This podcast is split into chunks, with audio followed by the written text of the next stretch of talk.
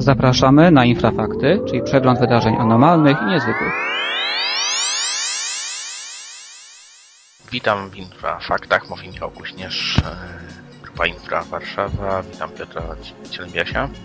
Witam. E, Piotrze, może powiemy o tej sensacji, która się wydarzyła na Łotwie i która e, obiegła wszystkie serwisy informacyjne, również w Polsce. Mówię tutaj o rzekomym upadku meteorytu, który ten upadek spowodował powstanie wielkiego krateru. Pojawił się film w internecie rzekomych świadków, który pokazuje rzeczywiście ogromny krater w polu dymiący, z którego wydobywa się dym, ogień. Natychmiast jakby na miejscu pojawiły się różne służby, również e, osoby, które zajmują się tego typu zjawiskami i dosyć szybko, mimo to, że wiadomość się przedostała właśnie do środków masowego przekazu, pojawiła się w serwisach e, największych agencji informacyjnych na świecie, to wkrótce, bo już na następny dzień bodajże przyszło, że tak powiem, dementi. Nie mamy do czynienia z meteorytem, tylko takim sprytnym zagraniem pewnej firmy telekomunikacyjnej łotewskiej. Ale jednak o czym chciałem powiedzieć? O tym, że takie, tego typu zdarzenia e, wywołują pewne zaniepokojenie wśród nas, e, dlatego że obawiamy się, że coś w końcu może dużego na nas spaść. Y, tak, masz rację, to znaczy wiele osób czeka na powtórkę mm, wydarzeń spod kamiennej Tunguski sprzed ponad 100 lat. Y, naukowcy straszą nas, że rzeczywiście raz na jakiś czas może spaść na nas y, coś rzeczywiście dużego, co może spowodować duże zniszczenia, wiele ofiar. Natomiast to, co stało się na Łotwie, potwierdza tylko taką kolejną ciekawą, y, ciekawą prawidłowość, że ludzie dość zainteresowani są tym, co spada z nieba. Dobrze, że nie ogłoszono, że było to UFO, jak w przypadku wielu podobnych e, wydarzeń. Z pewnością w Polsce, gdyby coś takiego się wydarzyło i przedostały do internetu, to już e, trąbiono by, że to UFO e, i tak dalej. Nie będę palcem pokazywał, kto by tak robił. Natomiast Natomiast, no cóż więcej, dwa lata temu bodajże mieliśmy do czynienia w jednym z krajów w Ameryce Południowej z meteorytem, który spadając w ziemię stworzył, wygenerował opary, którymi zatruli się mieszkańcy mm, jednej z wiosek. Tak, tak, pamiętam. A, no, a ten łotewski meteoryt troszeczkę mniej narobił szumu. Y, sensacja była dość krótka, mm, krótko trwała. No i cóż więcej możemy na ten temat powiedzieć. Bądźmy dobrej myśli, że nigdy nie przydarzy się coś o większej skali. Tak, znaczy ja tu tylko wspomnę o czym, y, co zaznaczył właśnie pan y, Robert Leśniakiewicz E, że już mieliśmy do czynienia z tego typu, e, że tak powiem, e, no happeningiem w Czechach, prawda, bo to było bodajże w 2003 roku.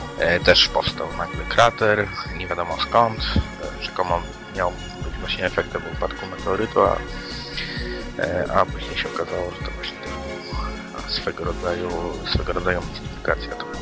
Pokrewnym zjawiskiem mm, do tego są tak zwane dziury, anomalne dziury które powstają na polach y, z niewiadomych przyczyn, często głębokie. To zjawisko również dobrze znamy z Polski. Natomiast y, niektórzy twierdzą, nie wiadomo na jakich podstawach, że dziury te tworzą kosmici, którzy pobierają próbki Ziemi. No niestety mm, ci, którzy wysuwają takie twierdzenia, muszą niestety, aby je udowodnić, złapać takiego kosmitę za rękę lub za przyrząd, którym dokonuje inwazji w, w tą glebę tak jak powiedziałeś, różnego rodzaju happeningi się zdarzają. Niemniej jednak w jednym z artykułów, który opublikowaliśmy niedawno na naszej stronie, który bodajże nosi tytuł Trzy dni do zdarzenia tak, tak. E, i który polecam wszystkim zainteresowanym e, akurat tam kwestią, mowa jest o tym, e, co stałoby się, gdyby nagle okazało się, że w naszą stronę kieruje się asteroida, która no, wyrządzi trochę więcej szkód niż dziura w ziemi. Tak. Nie jesteśmy na to przygotowani mimo wszystko ani, ani psychicznie, ani technologicznie. Dlatego powtórka, powtórka wydarzeń tunguskich dzisiaj mm, i to jeszcze na prawda, terenie mm, gęsto zaludnionym, no miałaby poważne konsekwencje. Mhm. A tak naprawdę do dzisiaj nie wiemy, co się wtedy stało w roku 1908 i co spowodowało tak, takie wielkie zniszczenia w, w Rosji. Powstało wiele hipotez od komety po asteroidę, wybuch statku kosmicznego, działalność Nikoli Tesli, czy nawet upadek y, głowicy bojowej starożytnej broni jądrowej. Mhm. No, to chyba najdziwniejsza z hipotez. No pewnie już się nigdy nie dowiemy, jak to było do końca, no, aczkolwiek Ale, pewnie... ale wielu- wszystkim, wszystkim, którzy są zainteresowani kwestią Tunguski, polecam kolejny artykuł, który znaleźć można, można na naszej stronie. Jest niezwykle ciekawy. Mhm. A jeszcze ja tutaj tylko wspomnę, że ten, ten incydent łotewski trochę przykrył e, rzeczywisty fakt, bo wiem, nad Indonezją eksplodował e, meteoryt. E, było to na szczęście bardzo wysoko i nie wyrządziło wielkich szkód, ale to był fakt, który zaistniał właśnie w zeszłym tygodniu. I co jest ciekawe, że było to zupełnie niespodziewane. Znaczy nikt jakby nie wykrył dosyć dużego ciała, że tak powiem, niskiego, które wdarło się w naszą atmosferę. E, Gdyby było nieco większe, prawdopodobnie e, mogłoby narobić pewne szkody. Tak, masz rację, to nie, nie posiadamy jeszcze niestety takiego, mm, takiego, takich możliwości, żeby monitorować wszystko, co się dzieje w naszej przestrzeni powietrznej i tak naprawdę większość em, pracy z tym związanej ponosi NASA, która mm, monitoruje, prawda, mm, potencjalnie niebezpieczne obiekty. No ale oczywiście wszyscy zwracają uwagę na to, że to się musi zmienić, żeby mm, kiedyś ten scenariusz z filmu Ar- Armageddon nie stał się e, prawdą. Dokładnie. No cóż, może przejdźmy do innych tematów. E, Tutaj mamy bardzo ciekawe doniesienie e, z Argentyny.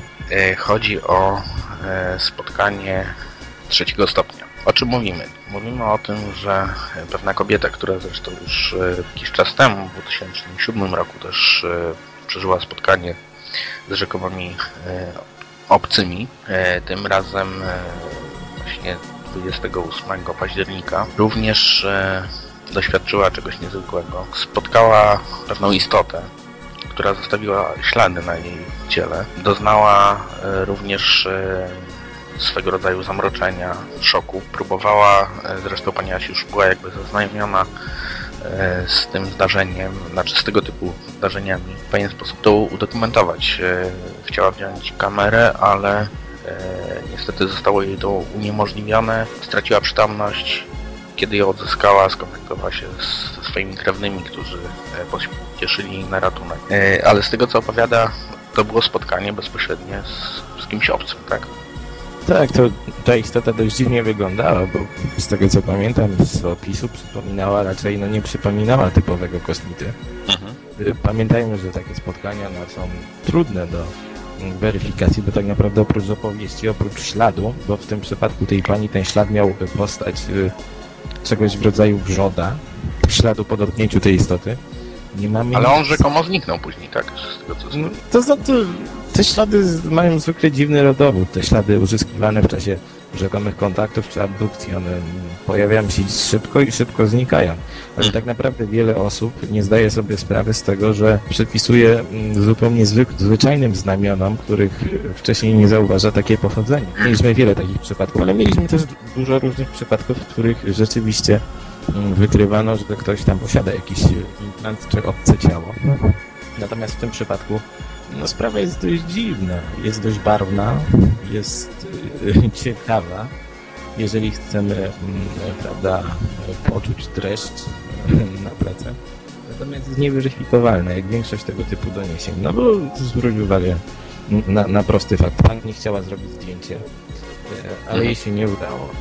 To samo chciało zrobić mnóstwo innych ludzi. Zawsze próbuje Zawsze próbują dopaść kosmitów na gorącym uczynku i nigdy im się to nie udaje. Natomiast to, co mm, tutaj powiedziałeś, to jest taka mm, kolejna odsłona tak zwanych bliskich spotkań, bo, bo tak naprawdę nie możemy powiedzieć, czy to jest kosmita, bo, bo, bo nie wiemy. Jest to takie coś na pograniczu zjawiska, no nie wiem, niezwykłego kryptozoologii i ufologii. Dzisiaj już mamy takie twory, w których nie wiemy, do czego one się tak naprawdę kwalifikują. Znaczy powiedz mi, bo mm, tutaj jest ciekawa ta sprawa, że to nie jest pierwsze doświadczenie tej kobiety. Czy e, w ogóle w historii e, bliskich spotkań możemy mówić właśnie o pewnej powtarzalności, że jakieś powiedzmy pewne osoby są jakoś, e, no, można powiedzieć, że podatne na tego typu kontakty? To jest bardzo trudne pytanie, bo mm, musimy zdawać sobie sprawę z pewnej rzeczy. Kiedyś e, zaprezentowano nam przypadek człowieka, mm, który twierdzi, że jest kontaktowcem, że spotyka się z istotami z kosmosu, które przychodzą zwykle do niego, kiedy śpi, kiedy jest rano i on ich nie widzi. I tak naprawdę ten pan nie przeżył niczego niezwykłego, tylko paraliż senny. I kiedy doświadczył tego pierwszy raz, zapewne uznał, że to są kosmici, którzy przylatują do niego, biednego, bied, biednego człowieka z województwa lub- lubelskiego, który, który nic im nie zrobił, a tak naprawdę został przez nich wybrany. Kiedy ten człowiek y, doświadczył tego po raz pierwszy, no to nakręcił się już w sposób taki, że, że, że, że no stracił przysłowiowy kontakt z rzeczywistością i tak jest w wielu przypadkach. Natomiast istnieje druga sprawa, bardziej wiarygodna. Często osoby, które przeżyły coś niezwykłego, są tak silnie wstrząśnięte tym, co przeżyły, że potem zaczynają już yy, interpretować ze strachu czy, czy, czy z przejęcia yy, różne zdarzenia jako przejawy yy, niezwykłości, jako przejawy zjawisk paranormalnych. No i to jest taka druga twarz yy, tego zjawiska, a trzecia jest taka, że rzeczywiście niektórzy twierdzili, że na przykład przypadek Betty Andreason, która miewała to, mm, te, te, mie- miewa właściwie te spotkania ciągle Mhm. mm, z tymi istotami, które, które spotkała w latach jeszcze kilka, kilkadziesiąt lat temu, one się ciągle powtarzają, no ale no niestety to jest nieweryfikowalne. Jeżeli ta Betty mm, ma ten, te, te spotkania, przeżywa je, no dlaczego tego mamy nie udowodnić, dlaczego nie mamy zapytać, dlaczego to się dzieje, kiedy i czy może to, to, to prawda, w jakiś sposób nam przedstawić, żebyśmy wreszcie mieli pewność, że niektóre osoby są odwiedzane przez tych kosmitów. No na razie mamy tylko opowieści, opowieści, jeszcze raz opowieści Mhm. i pewien mętlik, bo mm, często jest też tak wśród badaczy, że kiedy napotykają się na coś, e, na, na, na, jakiś, jakąś dziwną historię, nie pozostają obojętni w kwestii oceny. To znaczy, mm, bardzo często dzieje się tak, że starają się mm, interpretować to wszystko jako dowód, jako potwierdzenie na to, że, że tam rzeczywiście w danym przypadku dzieje się coś niezwykłego, natomiast nie zawsze tak jest. Musimy o tym pamiętać, dlatego często lepiej ludzi uświadamiać, że to, co przeżyli jest paraliżem sennym, żeby ten pan, mm, o którym mówiłem wcześniej, nie musiał potem całe życie myśleć, że codziennie rano spotka kosmitów. Dokładnie, a tutaj nawiązując trochę do tego, o czym mówisz, znaczy o tym e, takim swego rodzaju e, nakręcaniu się, kolokwialnie mówiąc, i też nawiązując do tego, o czym mówimy dzisiaj w tym właśnie dniu, czyli 1 listopada, święto Wszystkich Świętych, kiedy wspominamy e, naszych bliskich, którzy odeszli i w ogóle osoby, które odeszły. Bo oczywiście nasuwa się od razu pytanie o tak zwane duchy. Żeśmy właśnie przedwczoraj zamieścili artykuł e, dotyczący łowców duchów. E, są takie grupy na świecie, jest ich dosyć sporo, w Polsce również, które zajmują się, że tak powiem, wyjaśnianiem zagadek nawiedzonych miejsc, e, opętań itd. Tymczasem właśnie w tym artykule autor mówi o tym, że często te osoby, znaczy jakby same padają ofiarą swoich przekonań. Tak bym to określił. No masz rację, z prostego względu. Nikt jeszcze nie wrócił, prawda, z, z drugiej granicy, znaczy z drugiej strony. Z, z, nikt nie zmartwychwstał tak naprawdę. Nie, wie, nie wiadomo, czy możemy wierzyć biblijnym mm, relacjom. I tak naprawdę nigdy nie uzyskamy przekonującego dowodu na to, czy istnieje życie po śmierci. To znaczy, mm, przynajmniej jeszcze nie jesteśmy na takiej drodze. Mamy tak zwane pośrednie dowody w postaci y, nagrań EVP, y, Mhm. czy też dowodów uz- uzyskiwanych w czasie przez media, w czasie seansów No właśnie, przecież to jest dokumentowane jakoś. i tak dalej. Natomiast o co chodzi? Co, o co chodzi i, o, o to, o czym mówiłeś, związane jest z czymś innym, to znaczy łowcy duchów, tak zwani Ghostbusters. tak, profesjonalni badacze u, dają się często wpędzać w maliny i powtarzają pewne błędy. Otóż y, poszukując duchów, poszukują pewnych anomalii, Mhm. za, których, ym, za którymi tak naprawdę może stać wszystko. To znaczy wychodzą z założenia, o, zmieniła się nam temperatura, czyli to musi być duch. To chyba naj, naj, najlepiej świadczy o tym, w jaki sposób podchodzą do mm, poszukiwania tego typu anomalii. Istnieje również wiele programów dokumentalnych, w których y, mm, eksponuje się prawda, przypadki nawiedzeń, przypadki e, wypędzeń tych duchów. Natomiast zawsze jest to przedstawiane z pewnej perspektywy. Otóż y, mamy stworzony w umyśle pewien wizerunek ducha, e, czyli mm, kogoś na wzór człowieka, tylko niematerialnego, m, który jest mm, jednocześnie zawieszony między ziemią a tym drugim światem. Mhm. I tak, I tak naprawdę tak bardzo wpływa to na, na wszelkiego rodzaju poszukiwania dowodów na temat y, życia po śmierci, czy samego istnienia duchów, że niektórzy naukowcy również nie byli wolni od y, wszelkiego rodzaju przesądów, czy też, y, czy też innych błędnych założeń. Tak naprawdę tak, tak naprawdę nikomu nie udało się jeszcze ustalić, czy nawiedzenia, istnieje coś takiego jak stuprocentowe nawiedzenie, to znaczy jak otoczenie wpływa na, na, na, na, na świadków nawiedzeń, bo tak naprawdę wiele historii takich typowych, klasycznych nawiedzeń okazywało się, no powiedzmy sobie szczerze, okazywało się albo fałszerstwami, albo mm, no, były dość naciągane. Także mm, no, historia badania duchów, historia spirytyzmu, historia kontaktów z duchami no, nie może być poczytywana za dowód, dlatego że jest często indoktrynowana albo religijnie, albo przez mm, zwolenników spirytualizmu. Mhm. Tak, e, na temat zwolenników spirytualizmu to jeszcze może będziemy mieli okazję porozmawiać, mam nadzieję, w przyszłym tygodniu. Natomiast istnieje jeszcze jedna sprawa, o której warto powiedzieć. Często dzieje się tak, że osoby zainteresowane zjawiskami niezwykłymi odnoszą się w stronę sceptyków z pewną wrogością, twierdząc, że istnieje wiele dowodów na, na temat zjawisk niezwykłych, wystarczająco dużo, by mogła Mhm. zaakceptować je nauka. Ale w czym problem? Tak naprawdę mm, nie dostarczono jeszcze dowodów, które mogłyby zostać zweryfikowane w sposób naukowy.